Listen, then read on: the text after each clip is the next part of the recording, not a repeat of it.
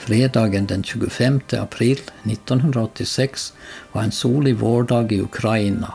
Det här är staden Pripyat i norra Ukraina, precis på gränsen till Vitryssland. Staden byggdes på 70-talet i samband med byggandet av kärnkraftanläggningen i Tjernobyl. Ett av Sovjetunionens kärnkraftcenter med andra ord. Efter en solig vårdag verkade natten mot den 26 april bli lugn, klar, ganska varm och som vanligt rätt så händelselös. Men så blev det ju verkligen inte. För i ett reaktorkontrollrum i Tjernobyl pågick ett, som man kallade det, säkerhetsexperiment. De sovjetiska ledarna påstod sig vara oroade för att NATO skulle sabotera eller till och med attackera energiförsörjningen i Sovjetunionen. Och därför hade Moskva bestämt att man måste testa alla atomkraftreaktorer så att man var säker på att även om såväl el som kylning sattes ur funktion så skulle allt fungera tillräckligt länge så man hann reparera skadorna. Och det var det här man testade den här natten i Tjernobyl. Och mycket snart märkte man att kärnreaktorn inte betedde sig som man hade väntat, utan man började snabbt förlora kontrollen över den. Chefsingenjören i kontrollrummet den natten var en person som hade mycket goda partipapper, men som vid en tidigare tidpunkt förorsakat en svår olycka i en atomubåt. Nu var han fast besluten att i enlighet med partiets önskan genomföra det här säkerhetsexperimentet och det trots att personalen i kontrollrummet snabbt märkte vad som höll på att hända. Efter några minuter förlorade man all kontroll över kärnreaktorn. Det blir en kraftig explosion, taket på reaktorhallen blåses bort och tontals med radioaktivt stoff strömmar ut i atmosfären och bildar snabbt ett dödligt moln som sprids först i omgivningen, sen allt längre i Europa. Det blir ett slags rysk roulette. Vem drabbas? Ja, det beror på vindströmmar och nederbörd. Moskva hemligstämplar omedelbart allt. Ingenting har hänt, men två dagar senare tvingas man evakuera Pripyat och till exempel i Sverige upptäckte man måndagen den 28 april att radioaktiviteten utanför Forsmark steg och att den här radioaktiviteten inte kom från Sverige. I och med att Pripyat evakuerats så spred sig nu sanningen som en löpeld runt världen. Men det var först den 14 maj som Mikhail Gorbatjov i den sovjetiska TVn erkände Tjernobylolyckan. Hans tal spreds snabbt runt världen. Här ser vi den i en amerikansk återutsändning via ABC. The accident, he told his countrymen, has now claimed nine lives and injured 200... Gorbachev säger här att olyckshändelsen kostat nio personer livet och att 299 har skadats. Men han tackar faktiskt ett antal amerikanska doktorer för deras hjälp. Fast efter det kunde han inte låta bli att attackera väst för som han sa alla deras lögner i samband med Tjernobylolyckan. Hur många människor har då dött på grund av Tjernobyl? Det råder väldigt delade meningar på den här punkten. Men det vet man att åtminstone 7000 barn drabbats av en cancerform som annars i stort sett inte förekommer hos yngre personer. Tidskriften New Scientist citerar ett antal vetenskapsmän som säger att det kan röra sig om 50 000 dödliga cancerfall, men att många anser att det i verkligheten kan röra sig över 100 000. Några exakta siffror finns inte. Och är nu 2016 historien om Tjernobyl slut? Kanske inte, för nästa år, 2017, borde den slutgiltiga sarkofagen, den slutgiltiga strålningssäkra byggnaden runt Tjernobyl vara klar.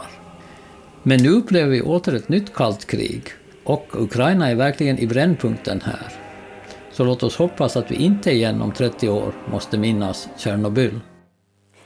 Ja, varmt välkomna till programmet Vi minns som idag alltså kommer att avhandla Tjernobylolyckan som hände 1986, den eh, 26 april, natten mot där. Vi fick här i början höra lite bakgrund till hur det faktiskt gick till eh, i Ukraina, eller eh, Sovjetunionen som det tillhörde då. Men vi är ju intresserade av att höra vad som hände på Åland. Vi ska också säga tack till Christian Stormbom som satte ihop det här klippet i början. Med mig i studion har jag fyra gäster och eh, två av er som var direkt inkopplade med de här händelserna på Åland. Två av er har, har tillkommit lite senare och har, har, egna kanske erfarenheter om vad som har skett efteråt och, och, och reaktioner. Eh, men först ska jag välkomna Per-Anders Nordqvist. Välkommen. Du var alltså då, på den tiden biträdande brandchef och befolkningsskyddschef i Mariehamn. I Mariehamn. Ja. Och du hade mycket att göra. Du pratade mycket med, med medierna om, mm. om det här som hände. Eh, bredvid dig sitter Rainer Åkerblom. Välkommen. Ja, tack. Du är förvaltningschef på, på Statens ämbetsverk. Ämbetsverk, ja. ja. Eh, och du började ditt jobb 86, men inte då när, i april? Nej, jag började 1 augusti 1986 på dåvarande Länsstyrelsen. Mm. Men du har med dig lite siffror, har förhoppningsvis koll på läget och kan hjälpa oss med det. Kommer du annars ihåg vad, vad du befann dig och vad du gjorde när du fick höra om den här olyckan? Jo, det, det skedde ju lite i etapper innan man, man, det kom ju först egentligen från Forsmark att man hörde. Men jag, om jag minns rätt så var jag i Åbo faktiskt då på besök. Mm. Men du minns det i alla fall idag? Du kan se det framför dig? Jo, jo, jag har också spelat in det där som de sa i radion då, från svenska radion om Forsmark. De mm. trodde, där de trodde att det var där det hade Just det. Vi ska utreda mer om det alldeles strax. Bredvid dig sitter också Rolf Lindqvist. Välkommen. Tack. Du jobbade här på Ålands Radio på tiden men ingick också i en informationsgrupp om mm. just den här händelsen. Ja, det är så att eh, Ålands Radio har ju en viktig roll vid sådana här händelser. Att eh, vid, vid olyckor så, så ingår någon från Ålands Radio i, i det här befolkningsskyddet. Och eh, då var jag utsedd som person så att jag blev ju kallad också till, till den här ledningsgruppen, sambandscentralen, i, i, där, där, där det fanns olika grupper som agerade. Mm. Vi ska prata mer också om, om dina erfarenheter om det. Med oss har vi också Stenny Steinbock som inte bodde på Åland på just den här tiden.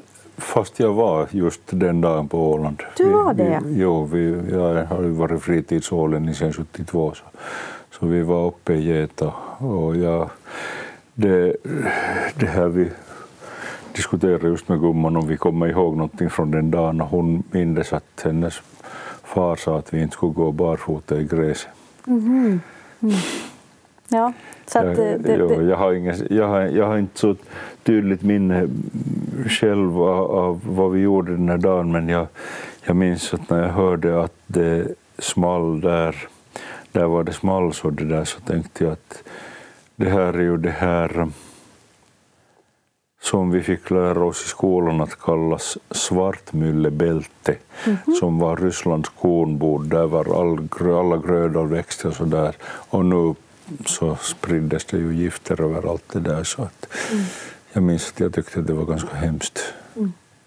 Och idag, så, just som gäst här, så vill du titulera dig som varm kärnkraftsmotståndare. ja, ja, det är jag fortfarande. Jo. Mycket intresserad, läser allt som har med det här att göra, har jag förstått jo, det som. det stämmer. Mm. Eh, kul att ni kunde vara här allihopa. Och nu hoppas jag Även om det har gått 30 år sedan så är det fortfarande lite rykten, man funderar, man vet inte riktigt vad som är sant, vad som är inte. Och det känns också som att det är lite så här i luften att vågar man säga sanningen idag? Men det hoppas jag att vi ska kunna göra ordentligt och göra klart för alla. Dels vad som hände på Åland då, när vi fick reda på det och sen eh, de effekterna vi kan ha sett av det till idag. Då. Eh, men vi måste ju ta oss tillbaka då, för det var ju inte den 26 Eh, april som vi på Åland fick reda på någonting. Vill du börja, Per Anders Nordqvist? Hur, hur var det Åland först fick reda på att det här hände? Ja, vi, om vi säger på Räddningsverket så lyssnade vi på radion och då sa de att Forsmark, att de hade höga värden och utrymde det. Så då aktiverade vi vår mätning bara alltså helt av eget intresse. Mm. För att eh, vi hade ju en fast mätare. Den har inte larmat, så det fanns ju inte något behov. Och så mätte vi med transportabla mätare. Och det var ju låga värden. Men ändå vi tyckte det var intressant genom att Forsmark är ganska nära. Så ja. vi, vi fortsatte mäta och så kontaktade Länsstyrelsen och informerade om att värdena är si och så. Och det var ju ingen larmgräns så det var ingen orsak att kontakta dem ens. Men vi tyckte ändå. Så det var fort... magkänslan? Ja, så vi fortsatte mäta mm. enligt som om det skulle ha varit uh, larmgränsen uppnådd. Mm. Så då ska man mäta enligt ett visst system och det fortsatte vi med. Uh, förmännen på natten de mätte hela tiden. Liksom och, mm. Så vi skrev ner värdena och Så det var på det sättet vi startade upp det. Liksom. Och hur lång tid tog det sen då tills man fick reda på att, att, det, var, att det inte var Forsmark för det första? Ja, det var väl ganska, om jag minns, ganska fort det som de konstaterade att det kommer ju inte härifrån, det kommer utifrån. Mm. Men att det kan jag inte riktigt säga när vi fick, men det var nog något 28. dygn. Det kom 28. Det kom det man fick också information från Finland ja, ja. två dygn efteråt. Och det, ja. Man hade också mätt värden i Kajana och Tammerfors, lite högre värden, men man visste inte varifrån det kom. Men Forsmark var det första, som du sa, att där, där, där, där, där, fick man de första indikationerna. Sen hade de till och med på fartyg i Östersjön mätt, de hade mätare och märkte på däcken att det var höga värden i norra Östersjön. Och de spolade däck till och med på fartyg, kommer jag ihåg, mm. efter att ha, ha liksom fått vetskap om att, ja. att det var någonting i luften. Men varifrån det kom visste man inte förrän 28 sen. Så vi kontaktade ju sjöbevakningen bland annat som hade mätare både på båtar och i Hamnsundet. Mm. Bara för att höra hur de... Och det var ju så låga värden, eller det är ju så låga så de här mätarna man använde då så var det knäppningar. Mm -hmm. Man hörde knäpp, knäpp, knäpp, knäpp i mätaren. Det var ju, satt man den där mätaren mot en klocka med fosforvisare så ökade. Mm. Alltså så känsliga var de där mätarna. Ja, ja. Och då normalt så hade vi 65 medelvärde på ett år. Mm. Och och det var 67, 75 var det där eh, milliröntgen då. Mm. Så det var ju det liksom ingenting Nej. om vi säger. Och den där stora mätaren då i alarmcentralen så den, den sa ju inte heller någonting, den skrev ju hela tiden. Mm. Den skickade vi ju en gång i mån in till Länsstyrelsen, resultatet från den mätaren. Mm. Men, att, men som sagt var, valborgsmässoafton så då hade vi det högsta värdet under hela den här tiden. Och då kom vi upp till 75 knäppningar. Mm. Så mm. sen, eh, just det här med knäppningar, sen så ändrades ju efter några år de här mät till Sivert. Mm. Nu pratar vi om röntgen. Och då var det ju digitala mätare. Mm. Så man behövde inte räkna knäppningar utan man kunde Ja, ja. Men vi hade, det var turen då att vi hade någon slags mätinstrument på Åland då, som, som ni bara satte igång då så att jo, säga. Jo, jo det, var, det var utbyggt och utbyggt mm. i hela Finland. Det var ju otroligt. 300 eh, meter i Finland, stora mätare som var fastmonterade. Att det mm. var, Finland låg långt framme i strålmätning och gör det än idag. Mm. Så, så på det sättet, men att en överraskning var det nog det togs fram gamla mätare i kommunerna som inte var kalibrerade och ja, jag undrar om alla förstod vad de läste på dem. Och så mm. där var ju en risk att det kommer ut fel värden ja.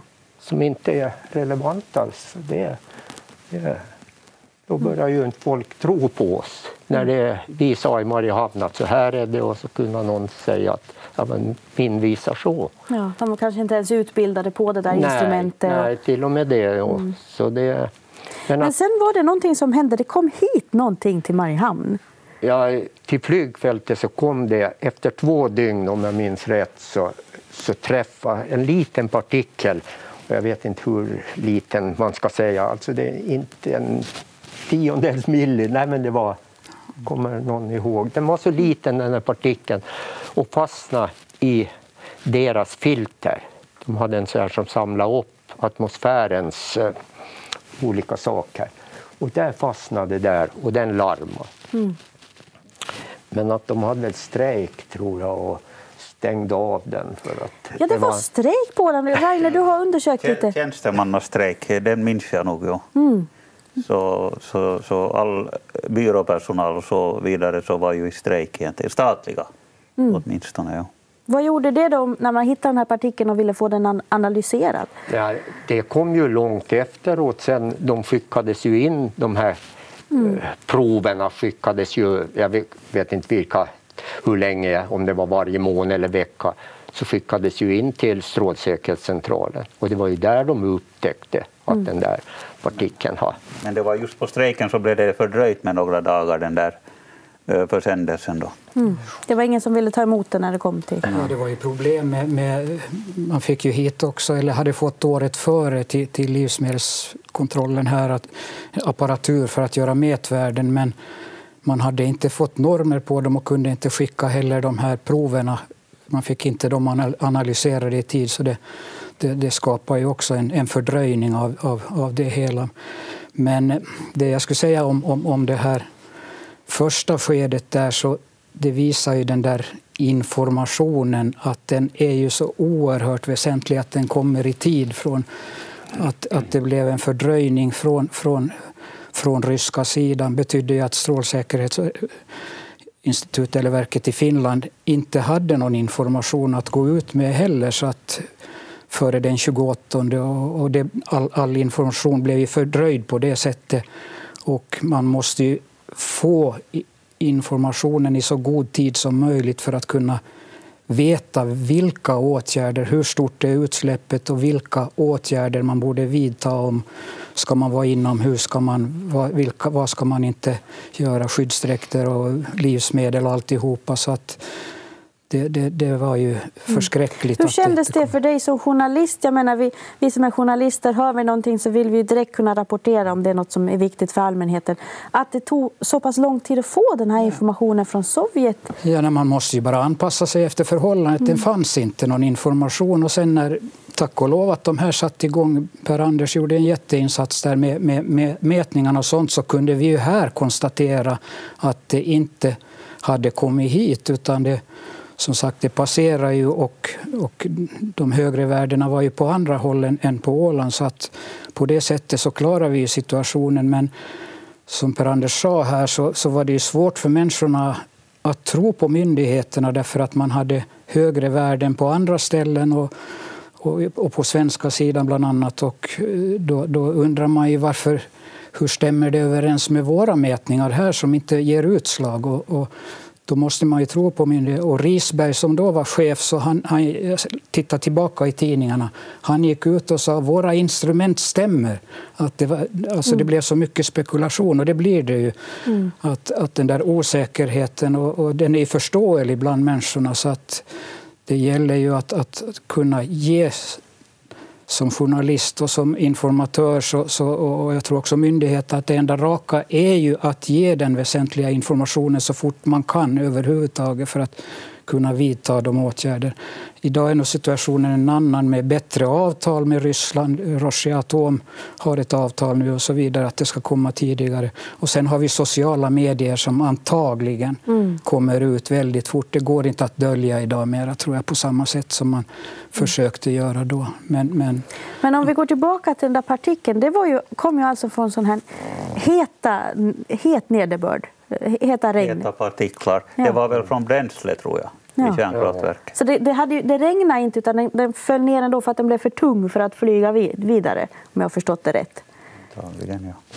Troligtvis var det väl flera, kan ja. jag tänka mig, partiklar som passerade mm. över Åland högt där uppe. Mm. Ja. Mm. De, de för... observeras ju också på andra håll i Finland. Så att... Mm. Men, men hur snabbt då, om, om vi den 28 fick reda på det liksom, sådär överlag till myndigheter att, ja. att nu har någonting hänt. Vad, vad gjorde ni då som, som i gruppen? Ja, vi, vi fortsatte ju med mätningen plus att eh, jag blev kontaktad av eh, bland annat Landskapsstyrelsen och eh, var en veterinär, landskapsveterinär, Rolf Wenström, ja. så ville att jag skulle komma med och åka runt Åland och ha mätaren med. Mm. Så vi åkte en dag Eckerö, Hommaland, ja, olika krokvägar och gjorde mätningar. Och, och var bland annat i Hamsund och pratade med sjöbevakningen och såg på deras mätare och flygfältet. Och det var nog mer så improviserat mm. skulle jag säga. Jag var med också på, jag vet inte om det var med dig ja. eller någon annan från och vi var till Mangelbo för att det var en av de gårdar som hade satt ut korna till, de hade väl lösdrift. Det var ju inte riktigt, eh, vårbete hade inte kommit igång men det var lite smått grönt så att de var väldigt oroliga för mjölkens skull. Och så där gjorde mm. vi mätningar men det var inga utslag där heller. Men just beträffande korna då, så kommer jag ihåg att Kristina Hedman Jakola och Rolf Wenström hade då i alla fall sa till att eh, man skulle hålla dem lite längre inne på våren för att det fanns ju vissa ämnen som halverades på åtta dagar och så vidare medan andra blev då längre. Men vi hade ju låga värden så att frivilligt så höll många jordbrukare sina djur inne extra länge, ett par veckor i maj till och med. Kommer jag ihåg att det finns uppgifter om att, att de, de blev inne. Så att, men, men som sagt, det var mätningar överallt. Då. Mm. För, för jag har hört att i Sverige då så fick man till och med avliva besättningar eh, av kor till exempel och, som var ute så att man verkligen skulle eliminera att man skulle få i sig det i livsmedel. Har du hört något mer om det? Eh, jag såg till och med en film där, där de det här eh, hade avlivat en massa renar och sen hade de buntat ihop de där döda renarna till sådana buntar och flög iväg dem med helikopter men vart vet jag inte för att liksom mm. desaktiveras eller på något vis. Jag kommer inte ihåg, men jag, jag minns bara den här bilden, bilden liksom man såg helikoptern så var det en, en sån här någon vajer eller mm. någonting. Och så var det en bunt med döda renar så där, som mm. flögs iväg någonstans. Så jag tänkte för mig själv att nu är det... Värre ja. än vad man trodde kanske? Ja, på det vissa ställen var det väl det. Ja. Det sätter sig på näthinnan. På något vis, ja. På, ja. Men det var ju tur att det var bara en gård som hade hunnit släppa ut korna och ja. att vårbruket inte hade hunnit komma igång då ännu. Ja. Annars skulle det ha blivit en mycket svårare situation. Mm. Men det skulle jag säga också att eh, vad jag har sett på papperna här också så eh, man kallade ihop, ledningsgruppen för befolkningsskyddet kallades ihop i början på maj och man gick igenom situationen och åtgärder och, och sen tillsattes det olika arbetsgrupper och så här som skulle eh, bereda det här och se över situationen och fundera på vilka, hur man kunde höja beredskapen för sådana situationer och mm. så vidare. Så, att, och, så där börjar man organisera sig ordentligt? Då. Ja, det mm. fanns ju, som Per-Anders var inne också, det fanns ju organisation och så vidare, men, men man börjar kanske effektivera och se närmare på det. Också eh, tog man kontakt till, till landskommunerna också och man hade ett möte med dåvarande befolkningsskyddschefer och så vidare. Så att, och till och med att man ordnar sen så småningom också för allmänheten några tillfällen. Mm. Så att eh, man, man, man, man, man, man börjar ta sitt ansvar. Och liksom, men det var, det var en lite exceptionell händelse. Ju. Man hade ju inte varit med om något liknande. Mm. Och det var ju svårt också att veta att en sån här händelse som inträffar så där långt borta, att, att det får följdverkningar också för oss. Och det var ju en överraskning för alla nästan. Och, så, mm. att, eh, så att man, man var ju förberedd, men inte, inte kanske så, så väldigt bra mm. som man är på idag. De, då. Var du med på de här mötena med allmänheten? Mm, jag kommer inte ihåg då. Kanske Tänk... något, ja. Men att jag jobbar ju också på, på radion mellan de här dagarna. Så att, men jag tänkte ännu, apropå mm. de här renarna, så det, mm. det, var ju tur att vi hade låga värden här så att djuren mm. inte blev utsatta. Men, men, i Sverige så var det väldigt omfattande. Med, det där var från Sverige? Ja, det var, alltså det var, de betalade ut 700 miljoner kronor för, för mm. rennäringen. Det var, det var, alltså det var ju den här lavan och sånt som, som, mm. som det blev effekter på. Här var det då varning för svamp och bär då, mm. under långa tider. Så att det var, och sen kommer jag ihåg det du sa Raine, just om de här mötena med allmänheten att vi hade ju kontakt med kommunernas brandkårer också och, och att eh, det var ju väl ni som organiserade det här att man då på, gjorde lokala mätningar ute i kommunerna.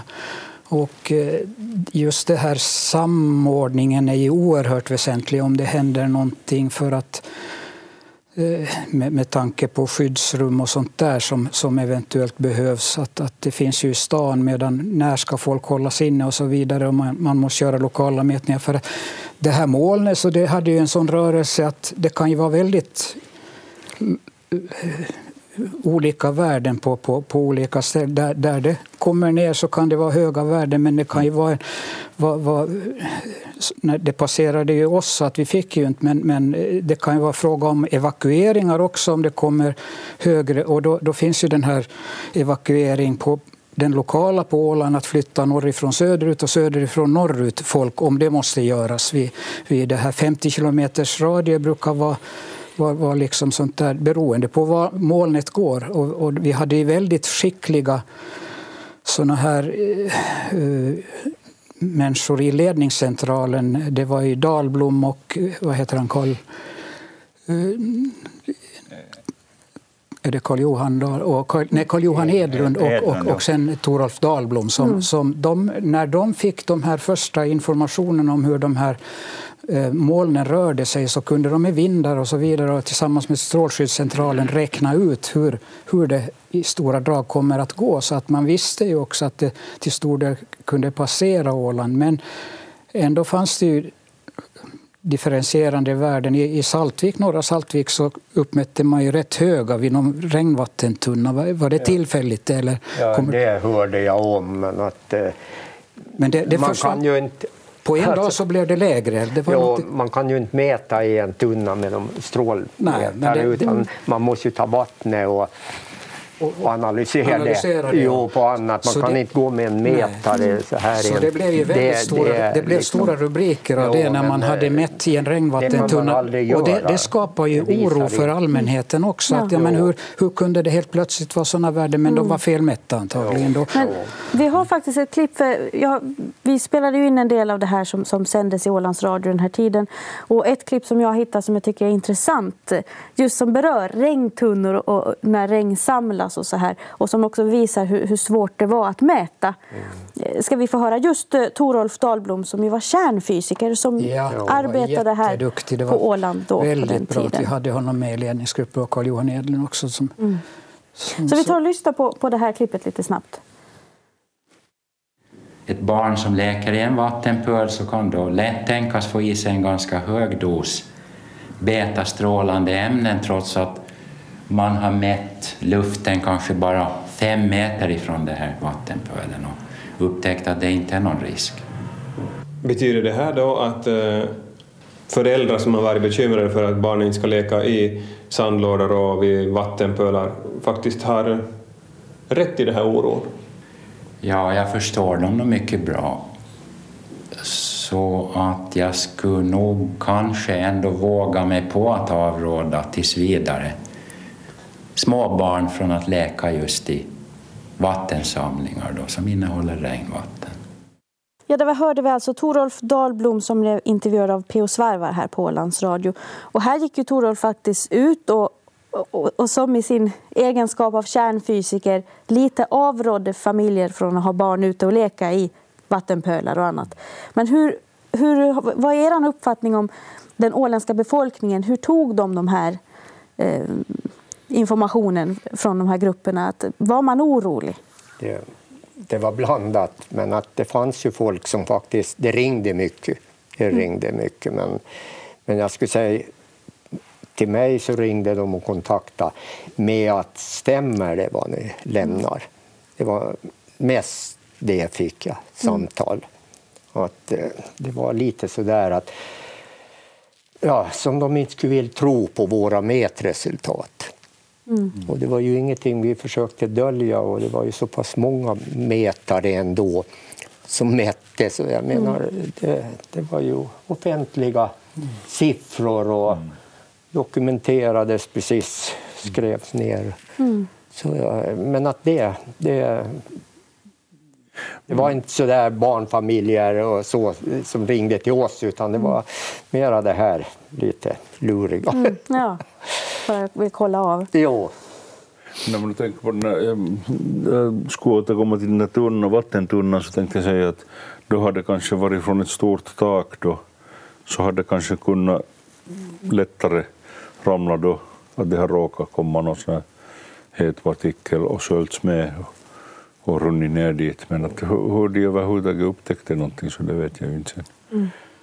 sen det vet jag ju, och till och med före då så, men efter det här åtminstone så eh, kött och älgkött och ja. rådjurs och... Mm. Det granskades ju sen. Granskades, skickades, skickades till riket för, ja, för och långa analysen. tider efter det här. Och insjövatten från mm insjöar här på Åland så togs det och mm. gjorde analyser. Och jag vet att vi fick eh, resultat. Det kom ut så här ungefär som den där mm. från Strålsäkerhetscentralen. Mm. Så kom det då värden, precis hur mycket mm. strål eller becquerel och ja, Mm. Men till din, din fråga om, om oro, så den, det är klart den, den var befogad för, för alla. Därför att det, det är ju en osäkerhet som ingen kan, kan liksom säga mm. någonting bestämt. Det är det som är det olustiga i de här sammanhangen. Och det som Toralf alltså sa, absolut bra av myndigheten att hellre förebygga och säga att lek inte då före man hade definitiva... Vi hade resultat som visade att det var låga värden i överhuvudtaget men, men, men varför ta risken och, med barn och, och sandlådor och överhuvudtaget samma sak var det med fisk, att, att i, det talades om att i grunda sjöar skulle man vara försiktig. Vi, vi hade inga värden sen visade sig, men man, man manade ändå till försiktighet. Samtidigt skapade det en oro utan att, att skapa panik och så vidare. Det var tal om om, om sjöfågel, kan man äta det som flyger? Jag kommer ihåg att vad heter han på landskapets viltvård, han sa att det, de tål mera. Det där förstod jag inte riktigt, att, att de, de klarar av att det, det var ingen fara. Men det var mm. låga värden. Men, mm. Så att hell, hellre vara för försiktig än, än, än mm. även om det kanske skapar oro. Då, att, att det här... För jag har försökt ta reda på just om barnomsorgen på Åland hade några särskilda rutiner i och med det här. Men de svaren jag har fått hittills är att de, de fortsatte med allt som de gjorde förut. Alla barn var ute lika mycket på de här lekparkerna. Mm. De hade inte fått någonting och jag frågade om, om familjerna hade varit oroliga. Det var ingenting som har satt sig i deras minne att det skulle vara på det viset. Men själv så vet jag ju att, att min familj var, var oroliga när man skulle bli lämnad på, på förskola. Att, att ska de faktiskt vara ute idag och leka, att de borde nog vara inne. Mm. Eh, men, men det kanske var, alltså, det verkar ändå som ålänningarna var lite mer så här, ja vi litar på myndigheter. Nej, det var nog inte bara Åland utan det var eh, om man jämför med idag så tror jag, men då var det liksom de här värdena. Mm. Larmgränser och allting som var satt precis som ministeriet satt och Länsstyrelsen. Och när det inte uppnåddes till några sådana saker så är det ofarligt. Mm. Det är nu det som var oro. Alltså visst, visst fanns det ju den där... Det var ju Per-Anders blev ju utsatt med mycket frågor. Sen var det just livsmedelssektorn med olika livsmedel. Det frågades massor. Sen inom hälsovården och landskapsläkaren så där var ju det här med jodtabletter mm. då att folk ville börja äta dem och, och, skulle man äta eller inte medan då rekommendationen var ju att den är fortfarande den att först när myndigheterna anser att man ska ta jodtabletter för skydd för att det är onödigt att ta annars. Men, och då fanns det ju och det är väl ovisst hur mycket det fanns på apoteken. Och nu har OHS då ska ha för, för, för befolkningen, det är för sköldkörteln. Då. Mm. Men alltså, det var hälsoaspekter, det var livsmedel, det var, det var ju olika frågor, massor av frågor. Och det var ju olika sektorer som fick svara på, på, på, på vad som gällde. Mm. Jag tänk, ja. ja, de där begränsningarna var ju ganska små för att det var ju så att Finland fick ju ganska små värden och Åland fick ju de minsta i hela landet. Så egentligen behövdes det inga så mycket begränsningar. De kom ju från Strålsäkerhetscentralen, de är ju specialister som säger. Men det som skapade lite förvirring här på Åland var åtminstone att de här informationen från Sverige och Finland var lite olika. Jaha. Men det berodde också delvis på att det var lite högre värden i Sverige och i synnerhet på vissa mm. områden. Men här på Åland när man är mitt emellan så, och hör på, får information från båda så, så blir det ju lite osäkerhet. Och vi hade våra egna värden. Så ja. det, var, det, var liksom, det, det, var tre olika mm. egentligen ju, saker att ta ställning Sverige, Finland och Åland. Gävletrakten, där fick de ju ett rätt högt värde. Mm. Till och med att älgjakten under några år avbröts. Ja. De rekommenderade att man inte skulle jaga älg. Mm. Och i Nystad var det också förhöjda värden lite. Mm. Och vi ligger lite så... Folk var ju luriga, så men att det, det var ju valborgsmässoafton ja. och natten som det här molnet då gick snett över Åland. Ja, det finns mm. och, och sen var det nederbörd då ju över Nystad och. Gävle mm. när det passerade. Mm. Så det gjorde ju att det... Så vi hade ju tur om vi säger. Mm. Ja, den här kartan den, alltså, ja. den kommer från Kär och går norr. Den är väldigt liten, den här, men det går ju från södra Finland norr och sen svänger det av västerut till Västernorrland, Gävletrakten, Västerbotten som, som fick det mesta. Så det var ju helt otroligt egentligen att det mm. inte var sådana strömmar och regn som, som kom över Åland. Mm. Jag tänkte också, om vi jag ställde frågan förut om, om åländska befolkningen var ganska foglig och litade på myndigheter. Men jag tänkte höra med dig, Stenny, tror du att det var också, hur, hur pass bra var upplysningen bland människor? Visste man att man skulle vara rädd för sånt här som inte syndes eller någonting? Ja, no, alltså min svärfar som ju var på alerten så han, han visste ju att det var någonting på gång. Mm. Han följde nog med mycket mer än vi, vi, vi höll jag på att säga, ungdomar. Men, men det där, vi bodde ju då i, i Sverige, i Alby, då, söder om Stockholm. Och det där... Men jag tänkte, ja. när du har läst om det efteråt, för nu känns det som att man är ganska upplyst, man vet ganska mycket om olika saker, man kan läsa det sig till på internet och allt sånt här. Mm, jo, fast man kan inte lita på allt som står på Nej. internet. Det är ju det. Mm. Mm. Så att det där, men att när, när jag kommer ihåg um, jag, jag minns bara, men nu minns jag inte om jag sa det redan, men att när det small att det var där i det där um, där var de odlade liksom all mat ja. för Ryssland. Men att jag tänkte att det där var ju, mm. var ju liksom inte riktigt upplyftande. Så du, du, förstod ändå att det inte riktigt var bra i alla fall? Naturligtvis, naturligtvis. ja. jo, jo, jo, men det var liksom, att, att det hände var ingen liksom överraskning alls för mig. För att mm. det där, då, då inför den där um, inför den där omröstningen i Sverige och folkomröstningen så då var det ju, vi hade just flyttat till Sverige då, vi, vi fick ju inte rösta därför. Mm. Så istället gick vi på en sån här kurs där man fick lära sig liksom vad den där hela liksom, eh, kedjan med, med, med det här allt från uranbrytning till slutförvaring och vad som allt fanns däremellan mm. fick man liksom redogjort i detalj åt sig. Och jag minns att jag tänkte mm. att ja, jag tänkte nog alla möjliga tankar no. som inte var så upplyftande. Men du nämnde här före också att, att du hade tittat på Harrisburg, Japan-olyckan ja. också. Jag menar där, de, de skapade kanske lika mycket föroreningar i världen. Och, och liksom men är det avståndet som gör att man, man inte bryr sig? Eller vad, vad är no, det som, ja, att oron för, för, för olyckor på andra håll jämfört med den här som var nära, så, så, även om de skapar lika mycket problem kanske i världen? Svårt att säga. Harrisburg, där var det liksom nära en härdsmälta, så det var inte, det var inte riktigt lika, lika det där stor smäll som den här med Tjernobyl. Men däremot så har jag förstått att Fukushima var enligt en del då människor så var värre än det här Tjernobyl. Men det är ju det att, som du sa, att det är längre borta. Att det har spritts ut över, över Stilla oceanen och, mm. och som en del källor menar jag att det har liksom synts också på, på det där USAs västkust, liksom spår mm. efter det där. Men att här på Åland så känner man sig ganska betryggat avstånd man ändå. Man tycker ju det. Mm. Men i själva verket så spreds ju nog allting i princip, förstås inte i sådana mängder, mm. men nu får det ju det är, ju en, alltså det, det, är den där akuta oron. Sen finns ju det här som man aldrig kommer ifrån, den långsiktiga mm.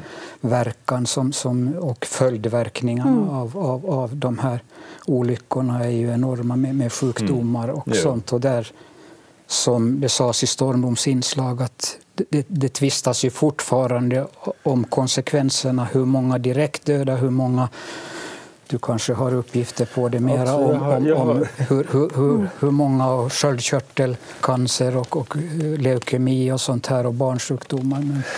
Jag kommer ihåg, vi bodde på 90-talet i Österbotten och så kom Vasabladet så var det, det är ofta så att övre halva tidningen så är det en bild och sen när man väl fäller ut nedre halvan så, så är det bildtext och då var det liksom en massa ungdomar som stod uppställda där och ja, det var det här, det här ser trevligt ut, att är det någon kör eller att, jo, jo, alltså jag tror det var faktiskt en kör, de var från Ukraina och sen när jag läste texten så står där att, att det här, de har kommit till, till Österbotten på besök och lite få, få vila sig från att vara där hemma och det där. Och, och samtliga de här ungdomarna har opererats för sköldkörtelcancer. Men titta närmare så hade de alla ett ja. litet snitt där, eller ärr.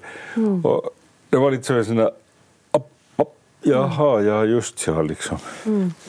Jag tänkte just med de här avstånden så när man gick utbildning då så Forsmark och Olkiluoto, 100 kilometer från Åland. Och mm.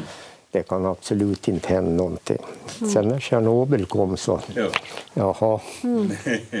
Det måste ju vara mycket det, rutiner det... överlag som har ändrats efter den här olyckan, bara här på Åland? Att man, Absolut. Att man organiserar Organisation sig? Organisation är... Mm. Jag har varit borta en tid, men att eh, redan han nu var med att det förändrades mycket organisation och, och mätningar och information och mm. allting vart ju... Det, det var ju så här. Ja. Ja, vi har ju en helt annan beredskap nu att eh, man har ju förnyat utrustningen som sades och, och de här planläggningsplanerna och sen har man övat också mycket just på kärnkraftsövningar och sen har vi ju samarbete med andra myndigheter och speciellt värdefullt är samarbete med Sverige.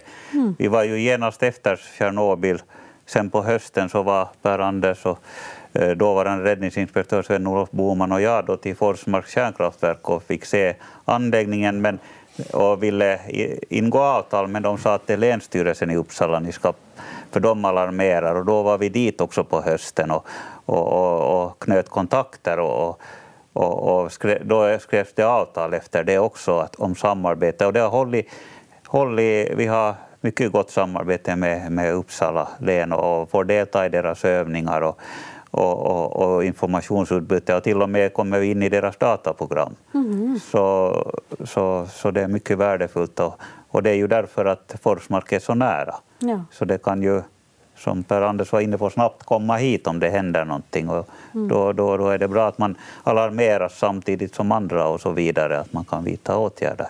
Mm.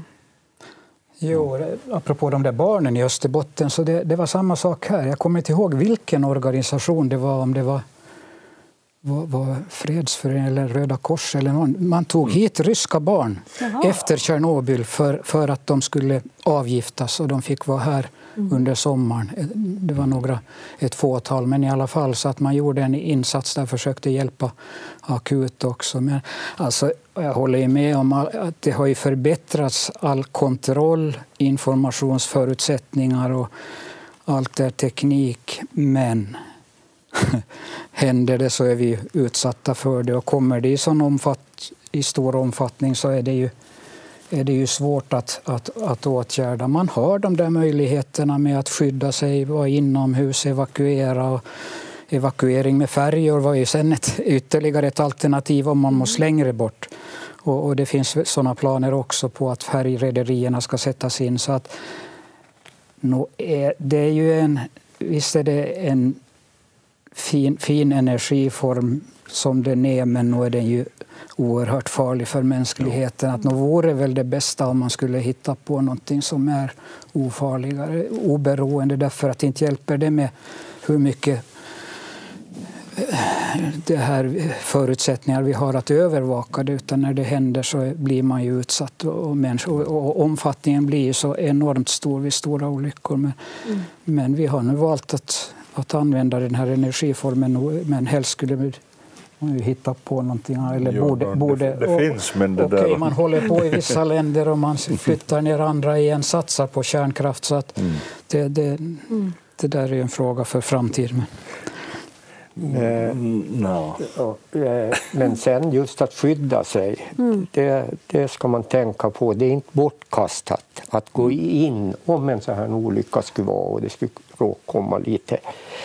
Så om man bara redan att man inte får det på kroppen, att man är inne i lägenheten och under, nu kommer jag inte ihåg timantalet mera, men att det är ett visst antal timmar då så kan det där passera. Mm Så okej, okay, det är smittat i naturen och det, men nu pratar vi om lägre värden. Mm. Men att man, just att man söker skydd och stänger av ventilation och annat. Mm. Om man bara får veta i tid. Jo, jo, jo, här kanske just det går. Precis, att man i god tid kan förbereda. Och...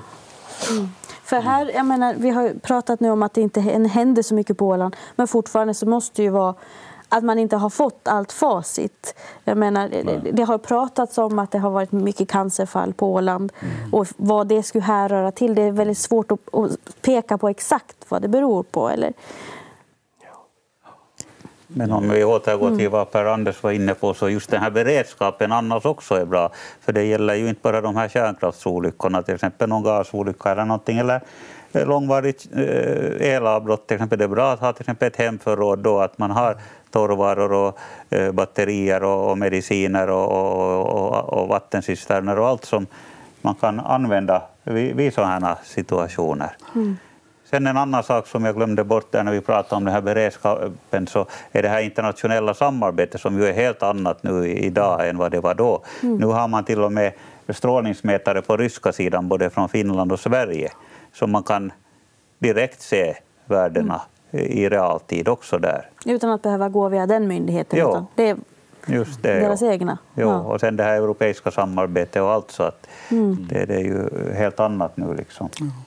Mm. Men om man vill dölja någonting så kanske det lyckas fortfarande. Jag mm. Vill man så. Ja, det är svårare att dölja idag ja. eftersom informationen går så mycket. Och vi har ju de lokala mätarna, vi har i Vårdö, vi har i Mariehamn och vi har i Eckerö som man kan följa på nätet till och med.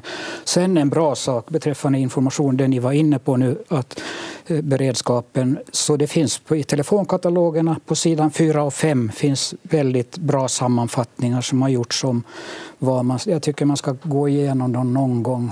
Kanske skyddsrum är ju en sak som, som, som också borde kanske uppdateras och så vidare. Men, men, men de här, det som man kan göra själv så framgår väldigt bra där på, mm. i telefonkatalogen. Och att lyssna på radion om, om det har hänt Radions roll jo, den är oerhört är viktig. Ja, därför att det är den kanal som, som, som informationen kommer ut på, också text-tv.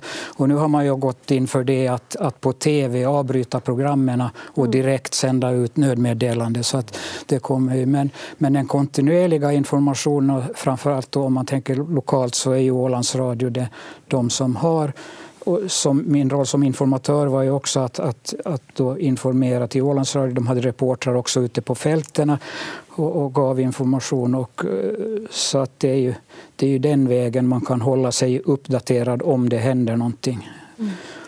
Och det, det, och vi är mycket tacksamma för det här samarbetet som vi har då med radion. Eh, vi, vi har ju till exempel en gång i året så testas ju larmsirenerna över hela Åland samtidigt. Mm. Och då sänds det ju i radion och förklaras då vad det innebär och vad man ska göra. Så att därför mm. hoppas vi att alla är uppdaterade här mm. och, och med, med, med, vad man ska göra. Och, ja. Sju sekunder lång hög signal och sju sekunder lägre toner. Ja. Det kan mm. Per Anders, och då ska man gå inomhus.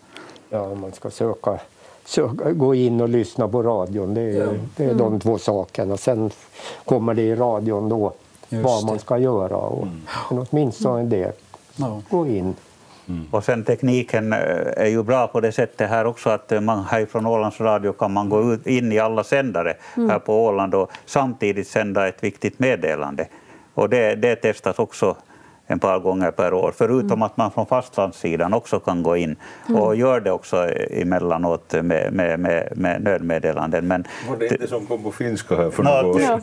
Ja, tyvärr var det bara på finska, men vi agerar ju så att nu är nu är det ju alltid på två språk. Då. Mm.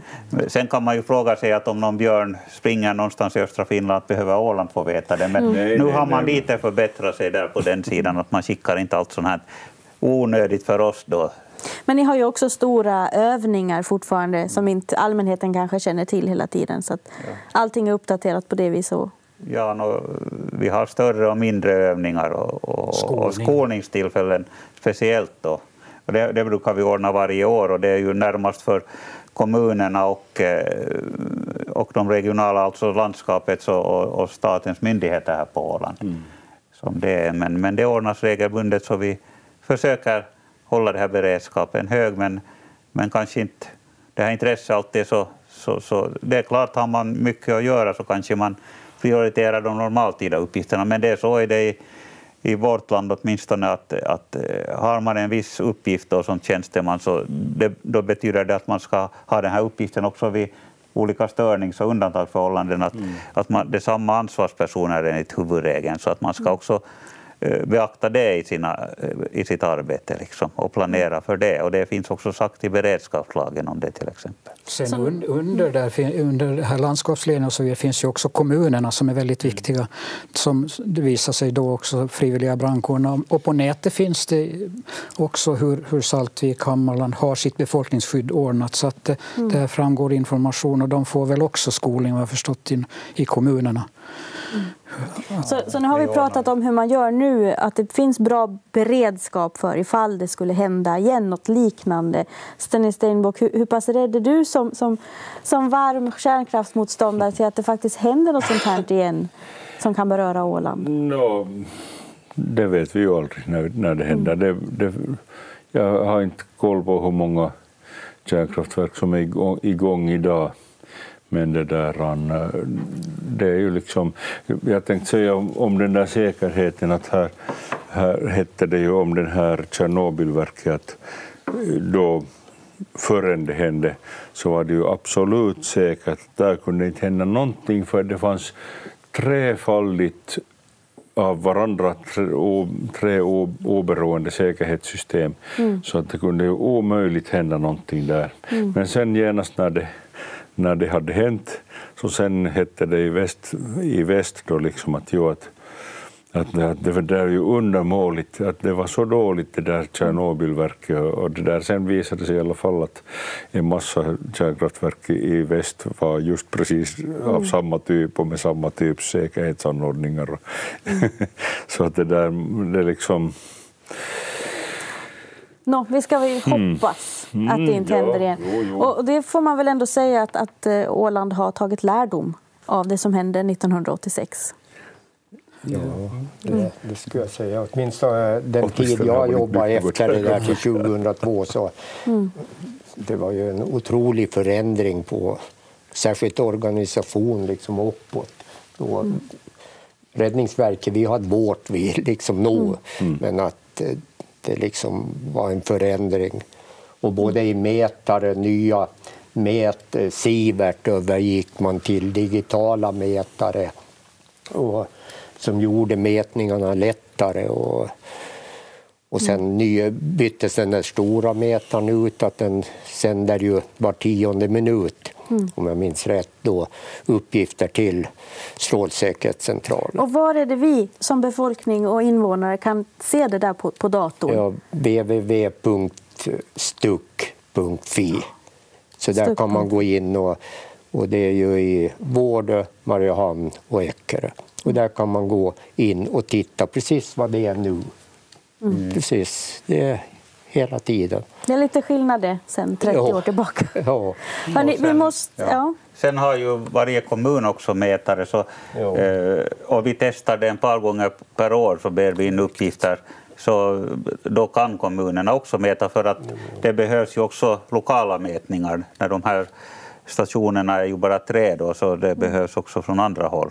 Absolut. Nu skulle det vara bäst om vi kom ifrån det, för det hände ju det som inte skulle få hända, som Tage mm. Danielsson sa, att, att ja. oberoende, man såg i Japan också, där var det naturen igen som förorsakade och så vidare. Mm. Så de här riskerna finns. Jo, men de var ju byggda så att det skulle tåla alla tsunamier och allting. Precis som Tjernobyl. Säkerheten jo, jo, till 100 procent. Men det, jo. Men ja, det här samtalet lär fortgå, men vi måste tyvärr avsluta. Jag vill tacka alla gäster för att mm. ni har varit här. Per-Anders Nordqvist, som ju då var biträdande brandskyddschef och befolkningsskyddschef i Mariehamn. Tack för att du kom. Tack.